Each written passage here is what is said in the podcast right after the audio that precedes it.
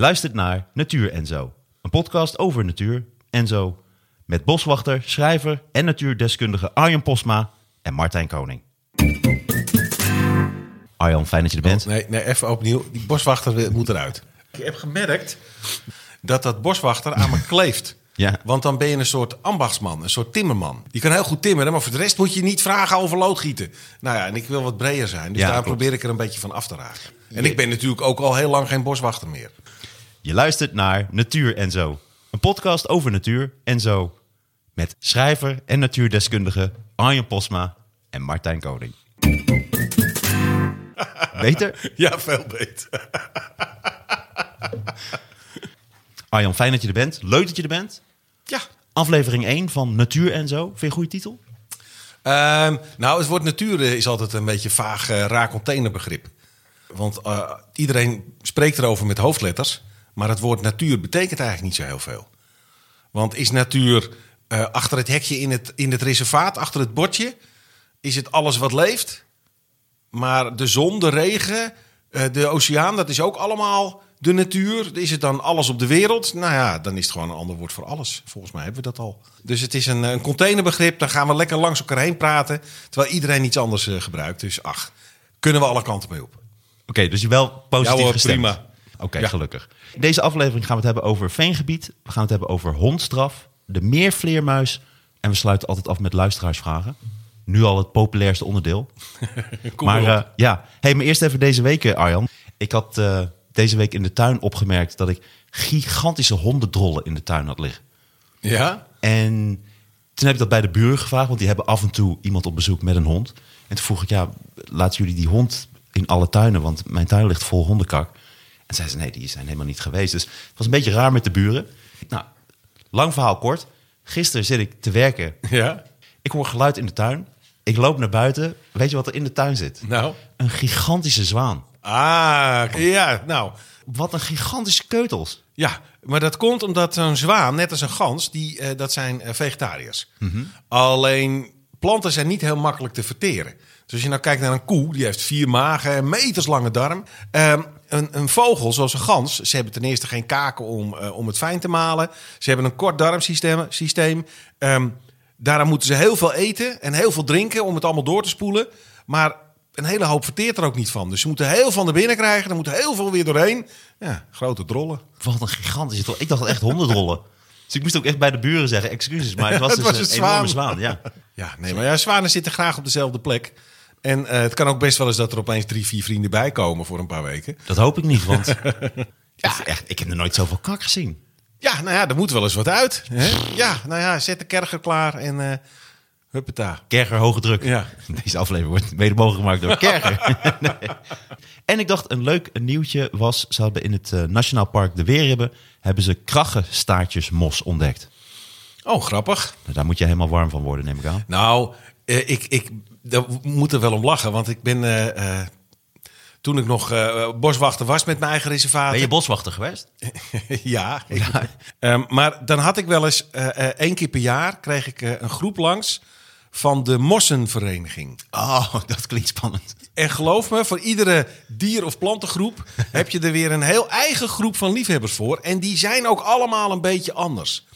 En de Mossenwerkgroep, dat is de meest introverte, rustige groep van natuurliefhebbers die ik ooit ben tegengekomen. Dus dan kreeg je ze in de boot en dan gingen we naar een rietkracht toe. Met allemaal veenmossen en dat soort dingen. En dan gingen we daar naartoe. En dan tijdens daar het naartoe varen, dan begon iedereen 's ochtends vroeg al zijn lunchtrommeltje open te doen. En dan zo snel mogelijk al, al zijn broodjes op te eten. Die daar keurig in het gelid stonden. Want die trommeltjes die gebruikten ze botaniseertrommeltjes. Dus om de verzamelde mosjes in te doen. Nou, dan kwamen we aan op die rietkraag. Ik hoefde niks te vertellen. Ze waren binnen twee minuten allemaal verdwenen. Want ze kropen op hun knieën dat riet in en weg. En dan eh, drie uur later kwamen ze weer terug. En dan zaten ze heel stil naast elkaar met een loepje. En geweldig. En eh, dit kraggen staartjesmos. Nou, een kraggen is een drijvende rietkraag. Dus dat lijkt er eh, heel erg op, op die mossenspecialisten die ik altijd langs kreeg. Echt heel erg leuke vondst. En het plantje staat op de rode lijst van bedreigde soorten. Ja, dat kan heel goed. Ja. Dat, eh, dat staat het natuurlijk al snel in Nederland. Ja, het is in, in, heel, in de rest van Europa extreem zeldzaam. Ja, nee, we hebben in Nederland we hebben wel 600 soorten mos. Dus er zit van alles tussen. En sommige mossen kun je alleen met een loepje zien als je het stengeltje hebt doorgesneden, naar het kleurtje kijken. fascinerend. Echt. Zijn er veel lekkere wijven in die mosgroepen? Ehm, dan moet je de definitie daarvoor neerzetten, denk ik. Eh, dat hangt er vanaf van wie het vraagt. Goed, Arjan.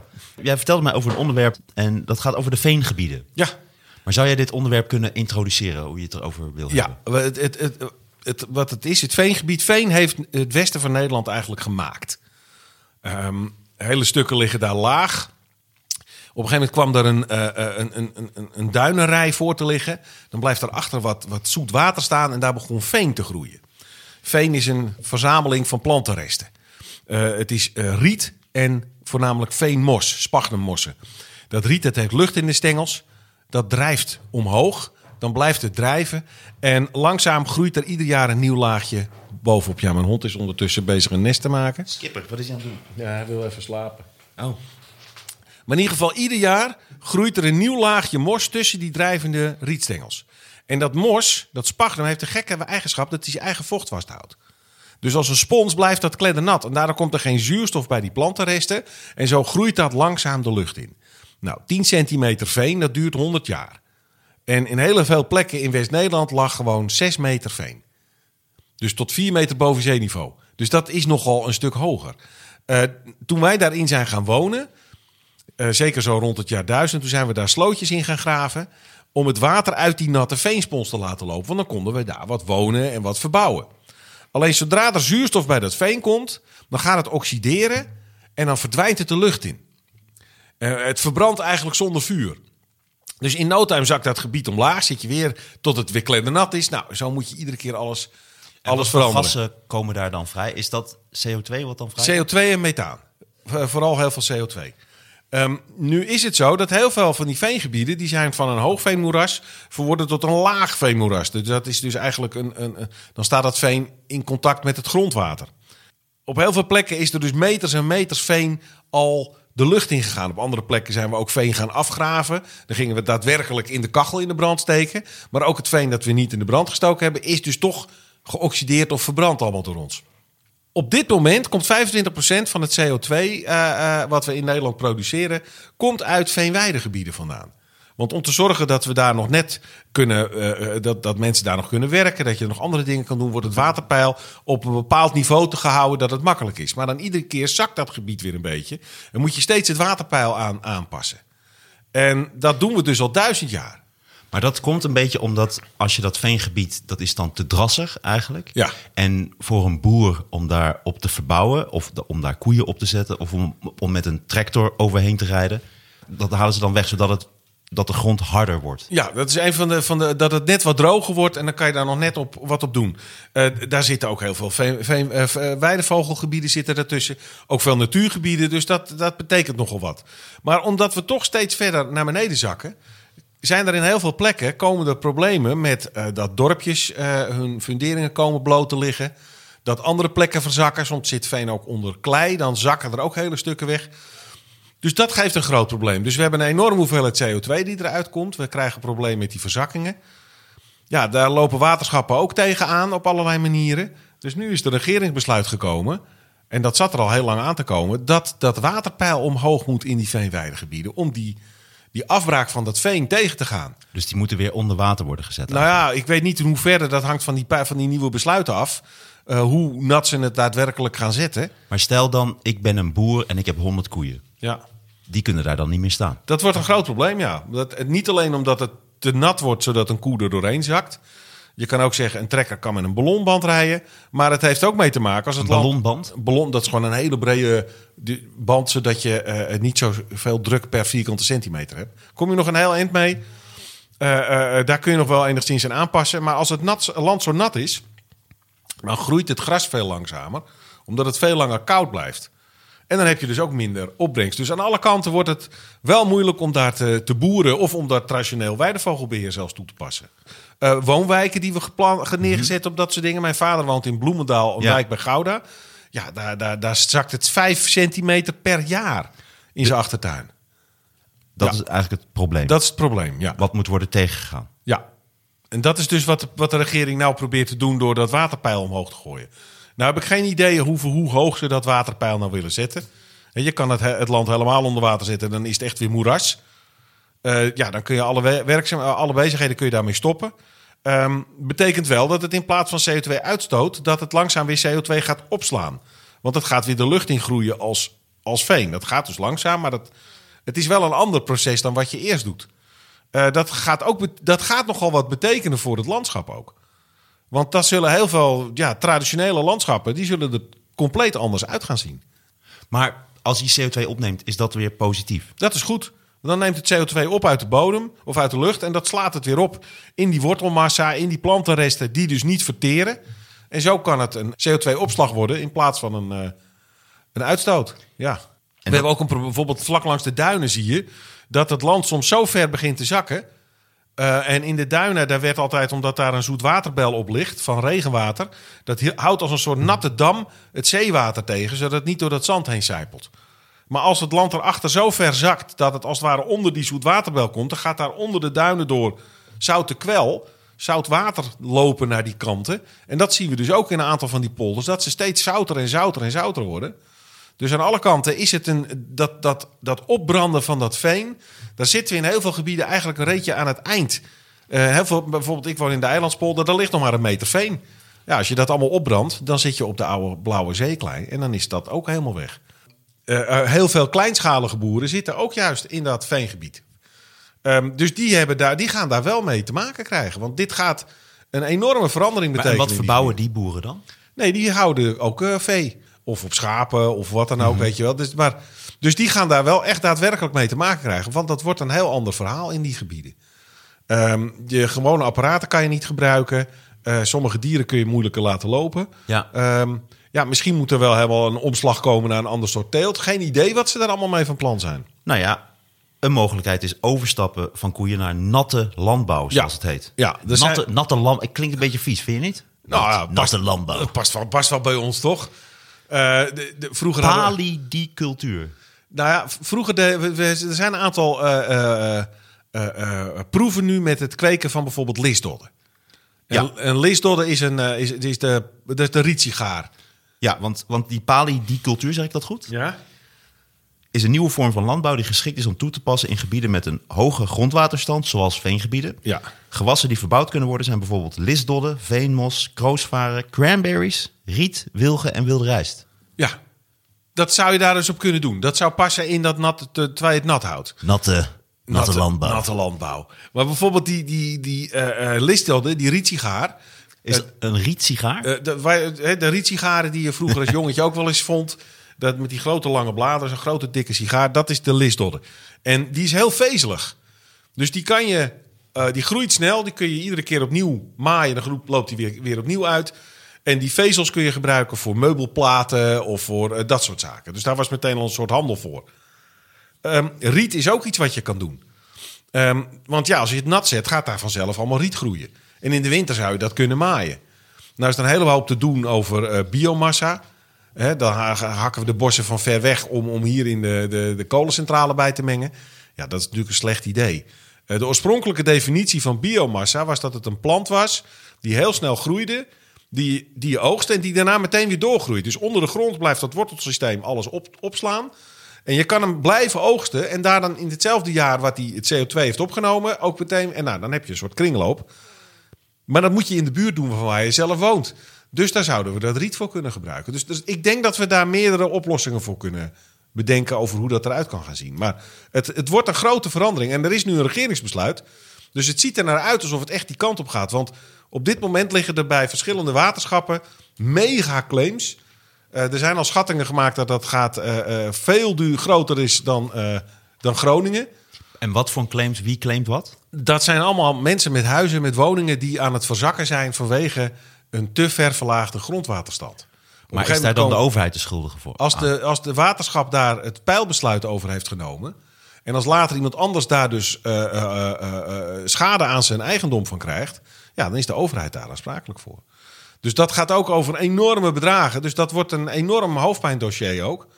Weer Eh, één. Nou ja, vandaar dat ze ook nu besloten hebben... we moeten dat pijl als de wieden weer gaan maar eens omhoog gaan gooien. Maar dat gaat dan weer ten koste van de bedrijven van boeren die daar nu. En dat gaat dan ten koste van de bedrijven die er zitten. En Dus nou, altijd zijn er weer mensen boos. Tuurlijk, want we zitten in Nederland. Iedereen heeft op ieder stukje twintig verschillende gebruiken. En wat je nu gaat zien, we willen graag dat de landbouw, hè, vanuit de overheid, dat de landbouw kleinschaliger wordt. Maar ja, dit, dit zal juist ook veel kleinschaligere boeren treffen. Ehm, dus we- het gaat veranderen. Er komt een, een groot iets aan. Eh, ehm, ik denk dat we ook daar met z'n allen om tafel voor moeten om daar goed over te praten. Om daar een, nette oplossing te vinden voor iedereen. Ja. Ja, ik vond het wel leuk, want het lijkt me zo grappig dat, je, dat er dus mogelijkheden zijn voor die natte teelt. Ja, En toen had ik opgezocht, dus ik vind het leuk dat is lisdodde, veenmos, kroosvaren. Volgens Ja. mij wordt dat ook heel veel gebruikt voor veevoer.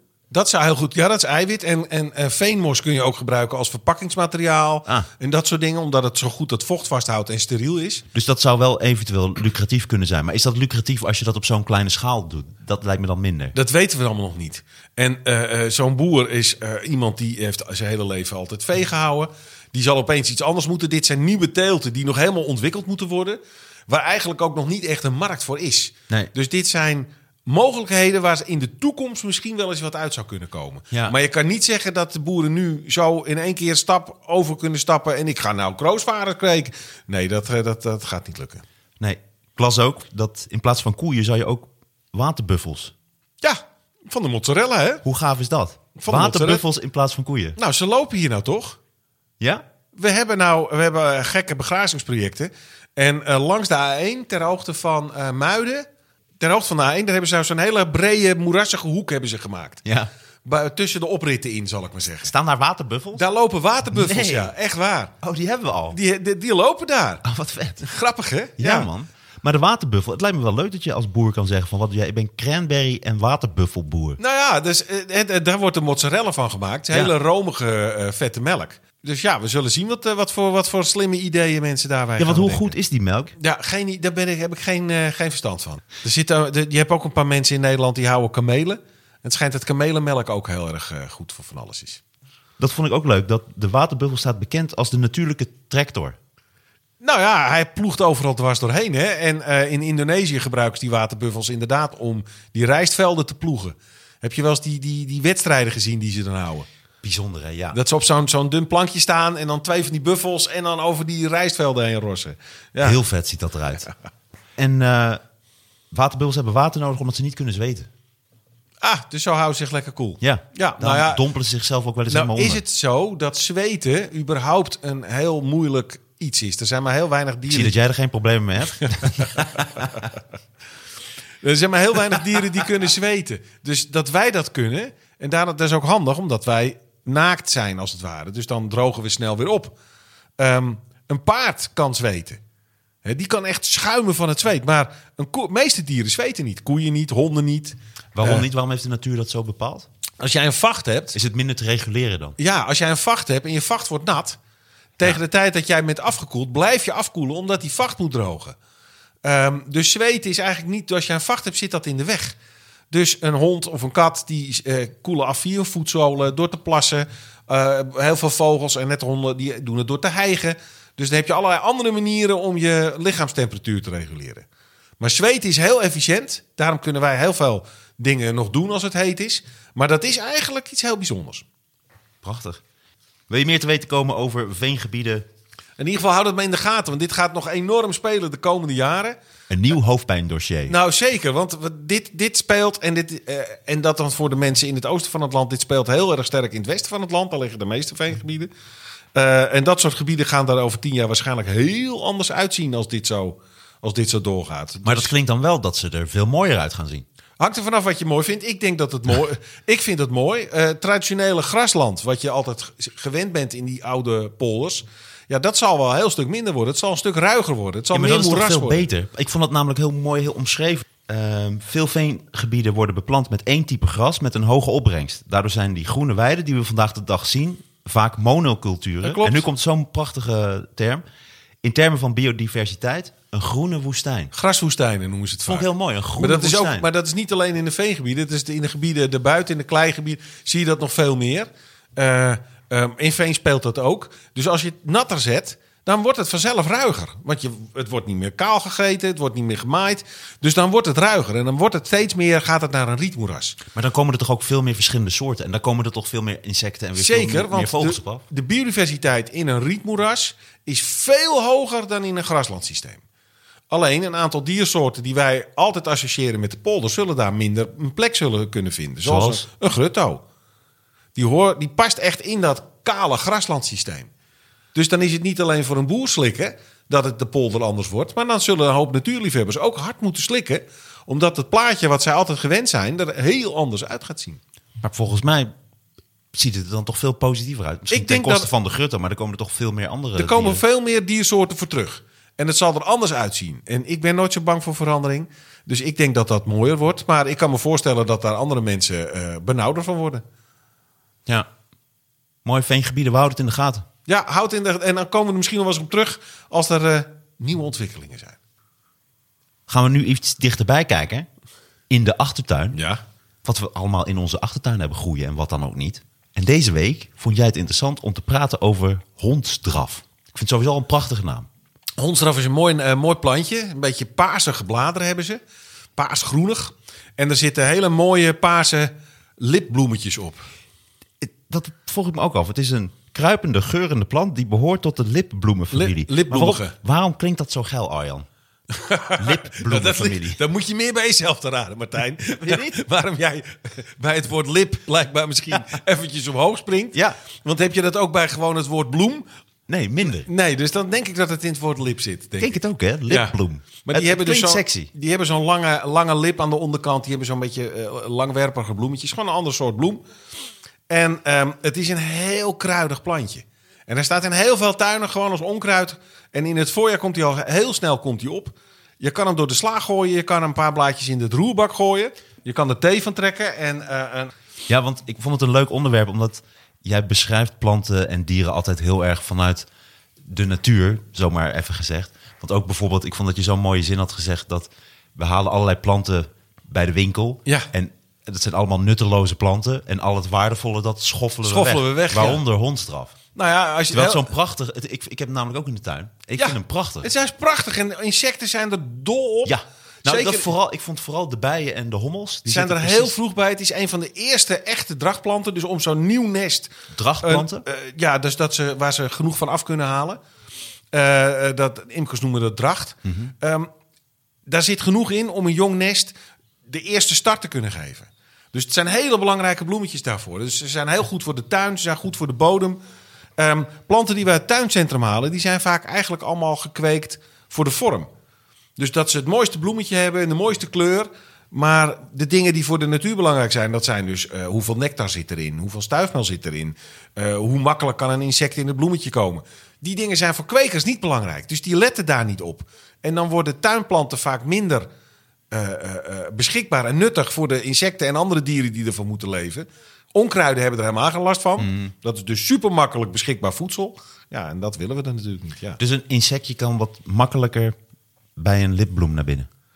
Sommige soorten insecten. Een heleboel, heleboel planten zijn natuurlijk zo. Bijvoorbeeld de wespenorgis is zo gemaakt dat hij eigenlijk alleen maar mannetjeswespen probeert te lokken. Die een eh, vrouwtje proberen te dekken, een koningin proberen te dekken. Hoe doet, hoe doet hij dat dan? Doordat de bloem daarop lijkt. En die heeft een, een geurtje en die lijkt daarop.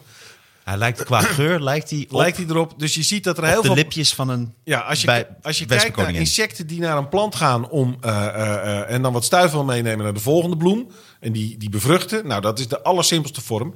Er zijn zoveel ingewikkeldere vormen voor. Je hebt zelfs planten die op het moment dat een dier de bloem inloopt, dan moet hij helemaal door naar achter. En dan komt er een deel van de bloem komt los doordat zijn gewicht erop zit. En dan wordt er een, een wordt op zijn rug geplakt. dus nee, het gaat echt heel ver. Er zijn onwijs veel van dat soort eh, eh, strategieën zitten erin. En planten zijn de grote verleiders van de wereld. Die gebruiken altijd suiker om andere organismes voor hun klusjes op te laten draaien. En of het dan gaat om voortplanting of om voedsel zoeken of wat dan ook, daar gebruiken ze altijd suiker voor. Is daar nog heel veel onderzoek mogelijk, wat, wat precies wat er in planten omgaat? Oh, daar, is, daar zijn we nu. de, heel veel biologen zijn er druk mee bezig.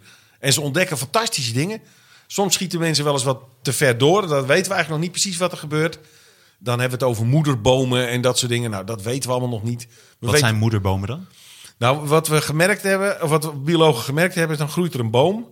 Die laat een zaadje vallen. Dat zaadje staat eigenlijk in de schaduw van de grote boom, of daar in de buurt.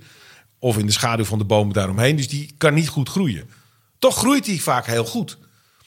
En de hoeveelheid energie die hij krijgt om te kunnen groeien, dat snapten ze, want dat kon hij volgens de berekeningen niet uit zijn bladeren halen, want er kwam niet genoeg licht op. Nou blijkt dat hij dat krijgt van de boom waar die vandaan gekomen is.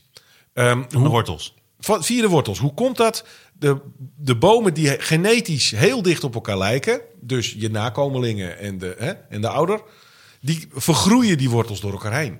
Prachtig. En dan kan dus dat voedsel twee kanten op. Maar of dat nou daadwerkelijk een actief proces is dat de boom zijn kind aan het voeden Echt is. zo'n zetje. Hier, dat we zo'n zetje. Of dat dat een automatisch proces is en gewoon een, een, een, een, een systeem van communicerende vaten.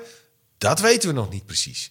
Maar het is fascinerend. We zijn erachter gekomen dat planten kunnen communiceren.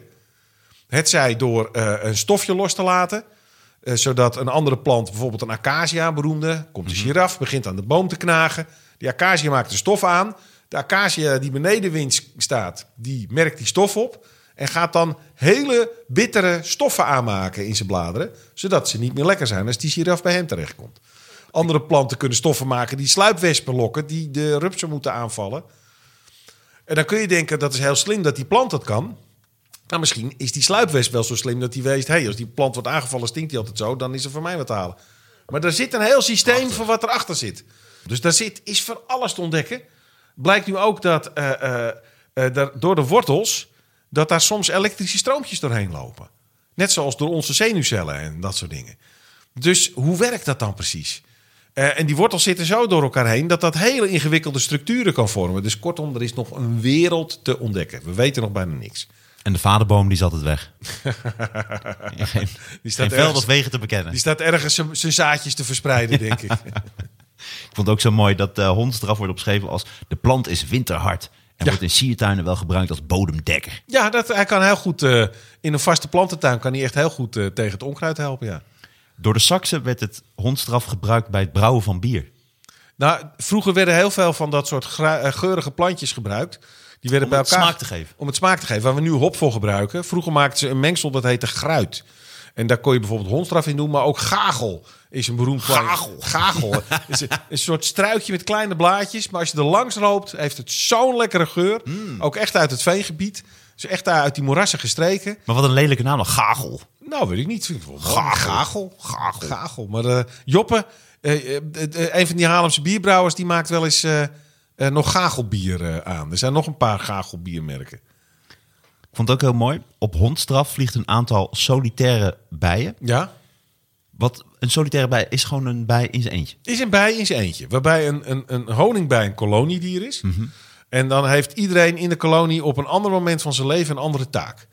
Als je net geboren wordt, dan begin je met raadjes bouwen. Daarna ga je de koningin verzorgen. Dan ga je de jongen verzorgen. En de laatste drie weken ga je honing halen. En daarna zijn je vleugels versleten. En dan ben je op.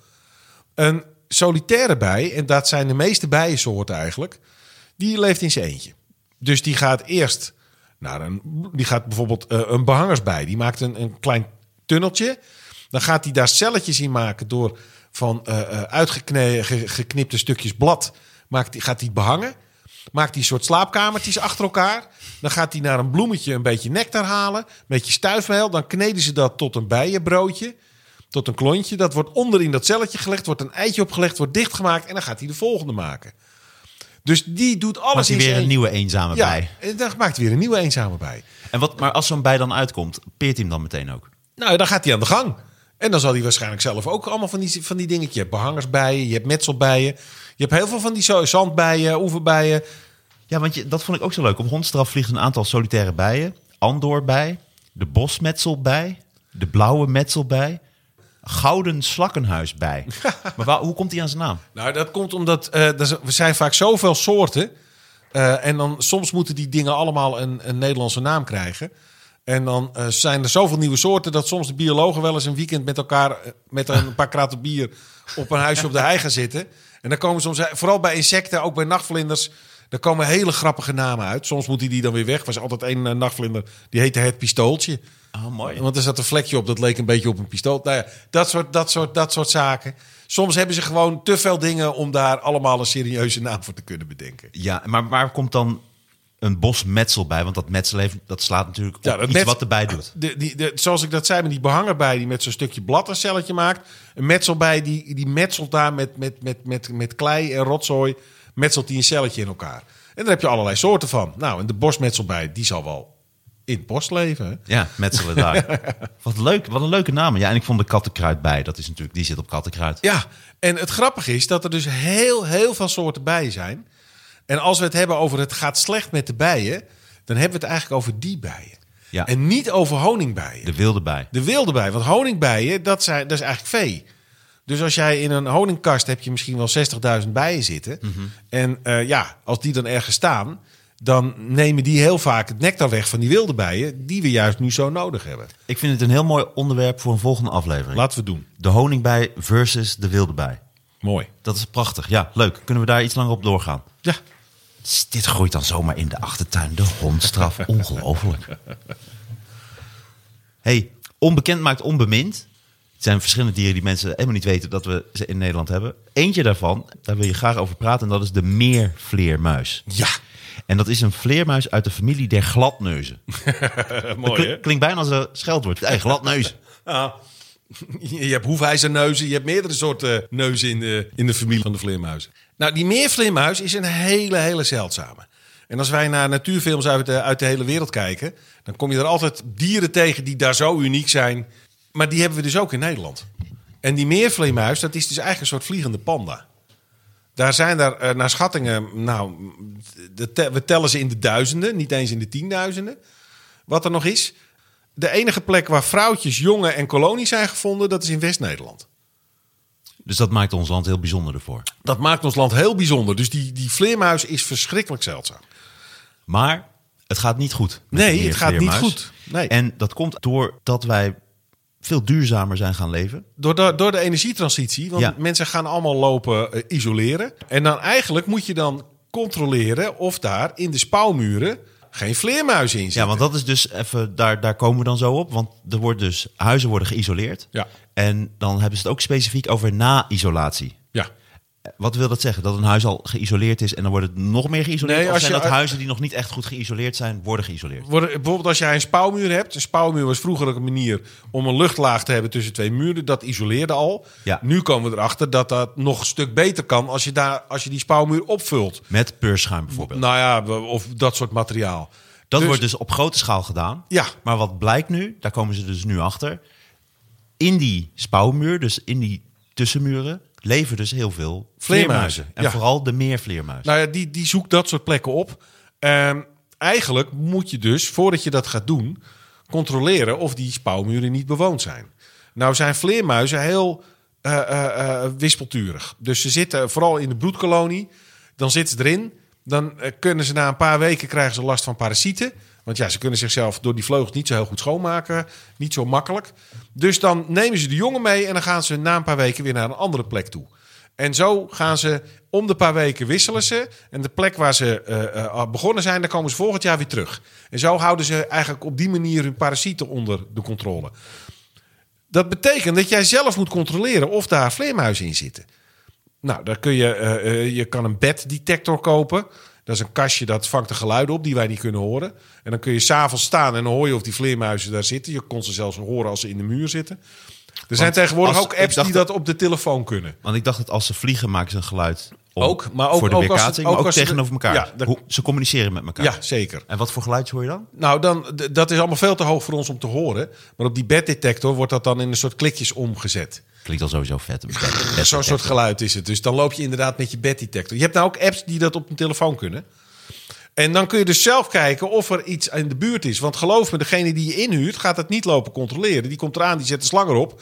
En frut, en zo is er weer een kolonie weg. Ja, want daar ligt eigenlijk de verantwoordelijkheid bij. Dus als jij een Ja, maar ook bij de eigenaar. Ja, precies. Als jij dus je huis wil isoleren, Ja. je hond is weer dingen aan het mollen. hond hoor is weer ding aan het mollen. Dat is, Dat eh, doet hij gewoon. Jij vindt dat, ik vind het ook zo mooi dat jou dat niks uitmaakt. Ik weet niet wat hij aan het doen is, maar het klinkt heel erg heftig. Nou ja, hij, maakt, hij probeert een kuiltje te maken. Zodat, de vloer. Zodat hij kan liggen pitten. Ja, in de vloer. Ja. Ja. Nou ja, en meteen, schoon. en, en meteen schone nagels. Ja. Het is mooi dat jou dat niks uitmaakt. Het is mijn vloer niet. Ja, vloer niet, hè? En hebben ze speciale gebieden al in kaart gebracht waarvan ze zeker weten dat ze daar zitten? Ja, bij de Vleermuisvereniging kun je daar informatie over krijgen. Over Oh, welke... ik wil zo graag bij de Vleermuisvereniging. Ja, nee, het is echt... Nederland heeft verschrikkelijk veel... Mag, mag je daar verkleed naartoe? Jij overal. maar we hebben in Nederland heel veel vleermuizen. Ik denk dat in de meeste achtertuinen, als je daar s'avonds gaat staan en je kijkt omhoog, dan zie je daar vleermuizen vliegen. Dus ze zitten veel dichter bij ons dan we denken. Dus dat is veel leuker om daar een beetje aandacht aan te ge- geven. Die meervleermuis is best een grote vleermuis. Ja. Dus een- best een joekel. Dus als je die ziet, dan is het ook jezus. Is dat met vleugels die je nu laat zien? Ja, dus met vleugels. Dus Je een hebt ongeveer, midge- laten we middel, zeggen, 30 centimeter. Middelgro- net daar iets onder de, is hij denk ik middelgrote vleermuis. En eh, hij heeft een hele bijzondere manier van jagen.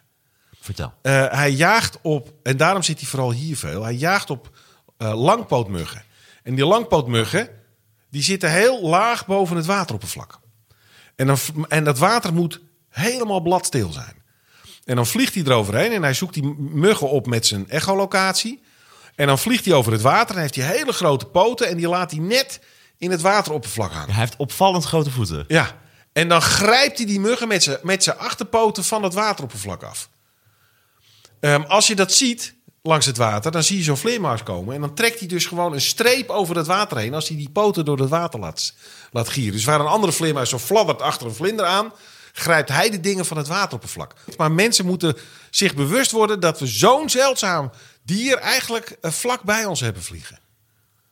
Wist je dat 2023 is uitgeroepen tot het jaar van de meervleermuis? Ja, dat wist ik. Dus dat is een goed onderwerp, Ja. toch? En het is nogmaals, het is een vliegende panda. En het is ook de snelste vleermuis. Oh, dat wist ik niet. Dat is Ze halen snelheden tot wel 35 km per uur. Ja, kijk, dat, dat, dat gaat nogal de lucht in, hè? Dat, eh, er zit nogal vaart achter. Maar ze zijn dus ook heel kwetsbaar, want vleermuizen krijgen meestal maar één jong per jaar. Ja, dat klopt. Dat zou je niet zeggen, maar... Nou, dat heeft ook te maken eh, dat ze dat jong moeten kunnen verplaatsen. Dus ze maken geen nest. Hè, die jongen hangen op hun kop en hun klauwtjes. Uh-huh. Eh, maar die kunnen nog niet vliegen. Maar hoe vliegen ze mee dan op de rug? Nee, ze, ze houden zich vast aan de buik van de, van de ouders. Als een aapje. als een aapje. En dan klemmen ze zich vast. En zo vlieg je dan met je jong naar een andere plek toe.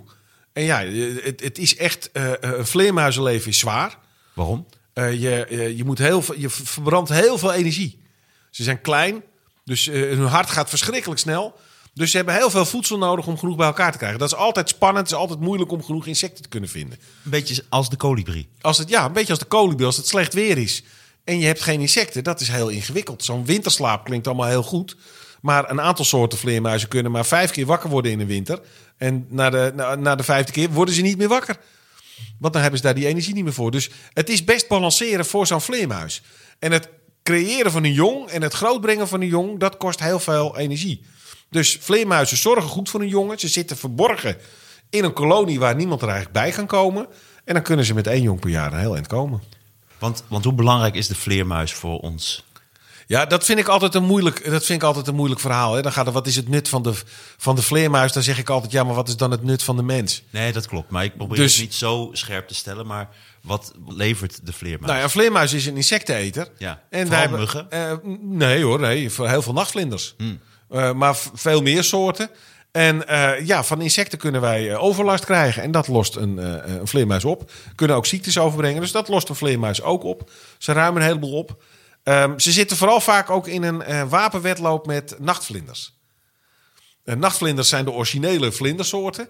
Eh, maar later zijn doordat ze steeds meer gepredeerd werden door die vleermuizen, zijn er een heleboel nachtvlinders zijn er dagvlinders geworden. Die zijn dus pas later ontstaan. Ja, echt waar. Dat Die, is oké, die nacht schiet niet op. dus gaan we Wij ontsnappen. dagvlinders. Dan krijg je er wel vogels achteraan. Maar blijkbaar was dat toch minder erg dan die, dag, dan die, dan die vleermuizen. Ehm nou heb je zelfs nachtvlinders die doen allemaal andere technieken. Ehm, je hebt wel eens van die vlinders, nachtvlinders, met zo'n botte harige kop. Dat zijn uilen, zo heten die. En die harige kop, die werkt als een stelfbommenwerper van de Verenigde Staten. Die weerkaatst. Het geluid alle kanten op. Ah. Eh, nou werkt het alleen als hij de vleermuis recht voor zich heeft. Als de vleermuis van opzij komt, dan werkt het niet. Maar recht voor zich, is die hele kop zorgt ervoor dat hij stealth is. Andere, vleer, andere vlinders die hebben, die hebben hele goede oren ontwikkeld. En zodra ze die echolocatie van die uh, vleermuis horen, dan klappen ze hun vleugels dicht en laten ze zich naar de bodem, naar de grond vallen. Ze zijn te, te licht om daar schade van te ondervinden, maar ze laten zich onmiddellijk, zodra ze dat horen, meteen naar de bodem, naar de grond vallen. Dus er is een wapenwedloop tussen nachtvlinders en vleermuizen al duizenden jaren. Wauw. Mooi, 2023, het jaar van de meervleermuis. Dus daar gaan we meer van horen. Nou, en uh, uh, er zijn apps dat je het ook op de telefoon kan doen. Uh, uh, ook zo'n uh, bed detector klinkt heel ingewikkeld, maar die kun je voor 80 euro al kopen. 80 euro maar. En dan kun je door je wijk heen lopen s'avonds als het net schemert. En dan weet je precies waar alles zit. En je kan aan de frequentie ook zien welke soorten het zijn. Nee. Ja. Oh, die ga ik halen. Dus dat is een hele leuke manier, zonder dat je dus het nest hoeft te zoeken. Je loopt in de rondte en het pikt gewoon de verschillende soorten, pikt het op. Maar waar koop je dat?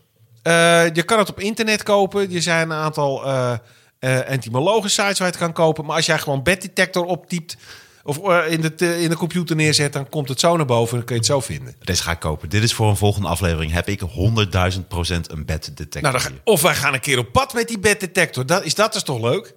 En dan kun je dus in de gekste stedelijke omgeving in Amsterdam... kun je op heel veel plekken, bij grachten, bij bruggen... en dan komen ze achter elkaar komen ze er langs. Prachtig. Dit ga ik zeker doen. 2023, het jaar van de meervleermuis.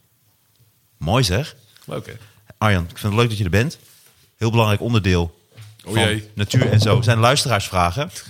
Eentje van Dimfie Koning. Dat is mijn moeder. Oké. En zij vraagt zich af, zij laat heel vaak de hond uit. Cubby heet hij. En ze zegt altijd, zodra hij dan gaat kanker, dan gaat hij eerst daar staan, dan gaat hij een beetje en dan gaat hij toch weer, loopt hij door, ja. dan stopt hij weer, dan gaat hij weer op een ander plekje, en dan gaat hij, weer, en dan gaat hij toch weer, en dan gaat hij dan toch maar weer daar kakken. Wat, waarom doet een hond dat? Waarom gaat hij niet in één keer gewoon zitten, boem, kakken? Uh, ik denk dat dat komt omdat die hond die wil het liefst buiten poepen. Hij gaat niet binnen poepen, dus hij zit het op te houden. Ik heb hetzelfde. Dan gaat hij naar buiten, dan moet eigenlijk die darmen moeten even op gang komen. Want die staan in de, we gaan helemaal niet poepenstand. Dus meestal is het ook als je op een, uh, bij een, een, een, een of ander recreatiegebied komt... dan uh, ligt 90% van de drollen ligt binnen 150 meter van de parkeerplaats. Want na 100, 150 meter begint die darmen begint te werken... en dan krijgen ze, kijken ze, zoals we in West-Friesland zeggen, poependrift. Um, dus die hond voelt, oh, het komt aan, ik heb aandrang, ik heb aandrang. En dan gaat alvast even zitten. Maar hij komt nog net niet helemaal. Hij moet ook wel eens wat langer persen voordat, uh, mm -hmm. voordat er wat loskomt. Hij loopt een paar stukjes vet. Nee, hij komt toch. Hij gaat weer. Nee, nog niet. Weer paar stappen. Oh, hij komt. Nee, ja, nu komt hij. En dan komt hij. Dus het is helemaal niet, het gaat niet om territorium of ik wil het hier precies nee. hebben. Het is gewoon, nee, nu, oh, nu moet ik, oh nee, nog niet. Oh, nu nee, moet ik wel. Uh, uh, vossen en wolven die vlaggen meer. Dus, ja, want dat betekent dat ze hun kak op bijvoorbeeld een steen leggen of op een paal. Ja, of midden op het pad, of op een, of een molshoop, of op een afgezaagde boom. Maar dat die goed in het zicht is, doordat iedereen dat ruikt en goed ziet van... oh, wacht even, dit is een territoriumgrens. Honden doen het vooral met plas. Dus die zijn overal aan het plassen en daar druk aan het ruiken en daar overheen aan het plassen. En dan nog een keer eroverheen aan het plassen en nog een keer eroverheen. En minder met drol. En minder met drol, ja. ja. Volgende vraag is van Laura. Laura woont uh, vlakbij het bos en heeft vaak uh, lichten aan in de tuin. Dan zijn de buren gaan klagen dat zij nachtverlichting hebben. En de buren zeggen, ja, maar dat jaagt alle herten weg. En ja. Laura vraagt zich af of dat nou echt zo is. Ja, uh, er is veel onderzoek gedaan naar uh, lichtverstoring door allerlei verschillende dieren. Uh, van vleermuizen tot inderdaad ook herten. En dan blijkt inderdaad dat licht verstorend werkt. Dat ze daar minder graag op afkomen. Dat ze minder graag in die verlichte tuinen komen. Als het een heel erg veilig gebied is, dan zijn herten overdag actief. Maar in plekken waar veel mensen bezig zijn, dan worden ze s'nachts actief. Dan gaan ze zich verstoppen. Dus als jij dat, die tuin hel verlicht, dan is dat een gevaarlijkere plek dan die tuin die in het donker is. Um, daarnaast is die verlichting die we s'avonds aanzetten, dat is heel erg, uh, dat vinden mensen heel erg leuk en gezellig dat het een beetje verlicht is. Maar weet dat dat meteen een enorme impact heeft. Uh, een lamp lokt altijd insecten aan. En nu blijkt dat de insecten die naar die lamp gelokt worden, die liggen de volgende ochtend allemaal dood op de grond. Want ze komen er niet meer van weg en dan drogen ze heel snel uit. Dus iedere lamp die je een nacht aan laat staan, is eigenlijk een insectenval. Dus je jaagt een heleboel dieren ermee weg. En de insecten die gaan er zelfs nog van, uh, van, van dood. Dus dat is, een, uh, dat is een probleem. Dus ik zou zeggen, geniet van het donker. Prachtig. Mooi omschreven. Uh, voor alle mensen die nog meer vragen hebben, stuur ze op en DM mij op Instagram en vraag je vraag aan Arjan Posma. Arjan, ik vond het heel erg leuk dat je er was. Top. We gaan het volgende week weer eh, over andere dingen hebben. Nou, ik kom vond het vandaag heel interessant. Dames en heren, dit was Natuur en Zo met de enige echte Arjan Posma. Tot de volgende keer.